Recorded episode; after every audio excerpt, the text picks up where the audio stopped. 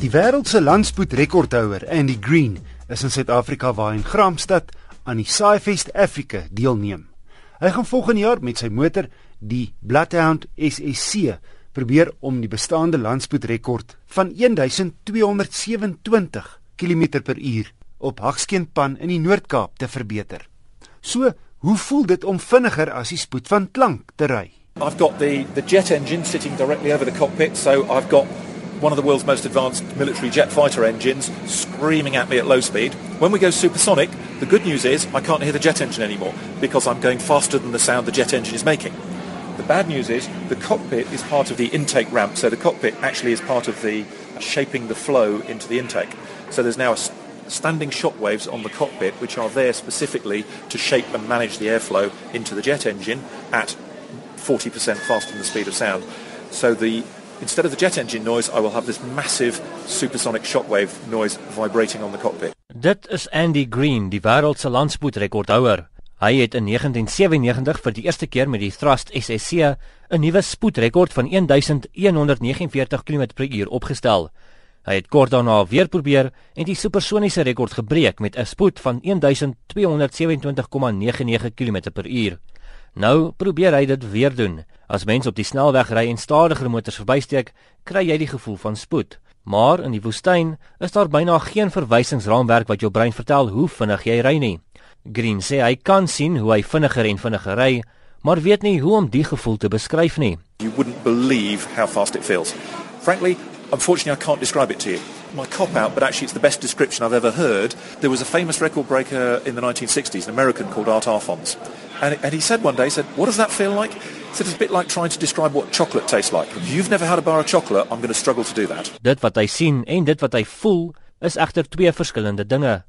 Die Bloodhound kan van 0 tot 100 km/h versnel in 1,6 sekondes, genoeg om hom so hard in sy sitplek vas te druk dat hy byna nie kan beweeg nie. The acceleration peaks at about 2g, which is about uh, 60 kilometers an hour per second. So it's quite a brisk acceleration. And of course, I'm sitting feet first, so all the blood is trying to rush from my feet to my head. Once we get to the timing lights doing 1600 kilometers an hour, there's so much drag on the car. It's around about 17 tons of drag on the car. Shutting down the jet engines will then produce about 3G of deceleration. So the car is now slowing down at 100 kilometers an hour per second. So all that blood which has been rushing up to my head now tries to rush to my feet. And if you're not prepared for it, you know, even experienced pilots can actually lose consciousness because of the push-pull effect over a prolonged period. Die drukking op sy liggaam, die oomblik wat die enjin afskakel om stadiger te begin beweeg, word vergelyk met 'n motor wat van 100 km/h tot 'n stilstand kom in 1 sekonde. Hy probeer dus so fiks as moontlik bly. The fitness helps for two or three reasons. First of all, it actually helps the muscle tone for fighting the G. It's a muscle response to uh, to cope with the G. Second of all, it's actually just to cope with the long days and the general fatigue. We're all going to be working very hard on this car for a long period of time. And the third bit is you actually cope better with high temperatures. Even though we're aiming to run during the cooler period of the desert, by the time you put in a multi-layer fireproof suit, strap yourself into an airtight cockpit in the desert in the sunshine, it will be hot in there. Dit was Andy Green, die wêreldse landspoedrekordhouer.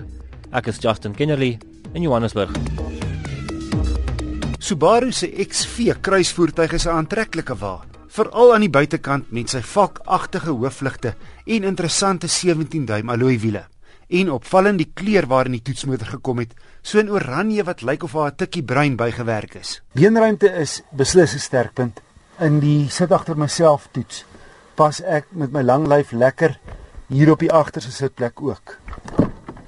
Maar die bagasiespasie is min.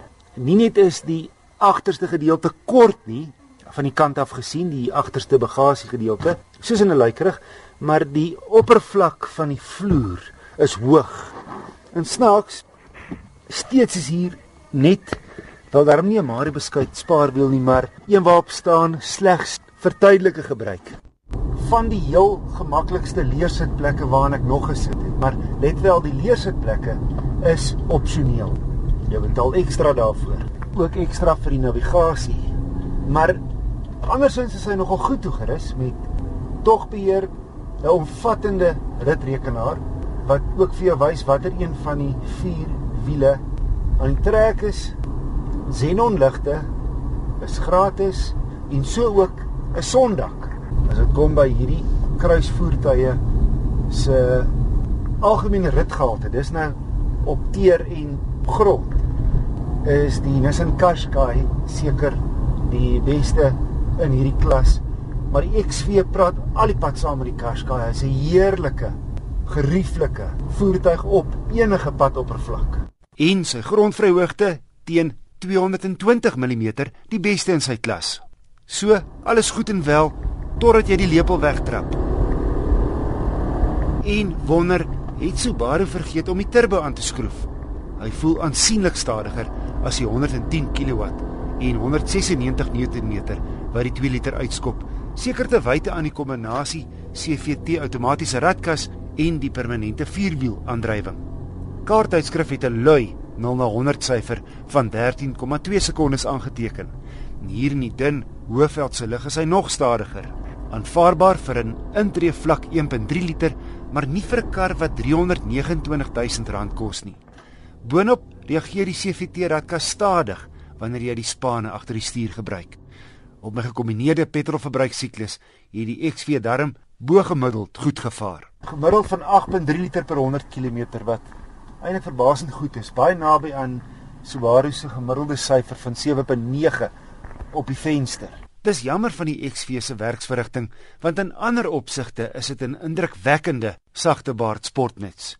Kom aan Subaru, 'n aangejagte masjien sal die wêreld se verskil maak.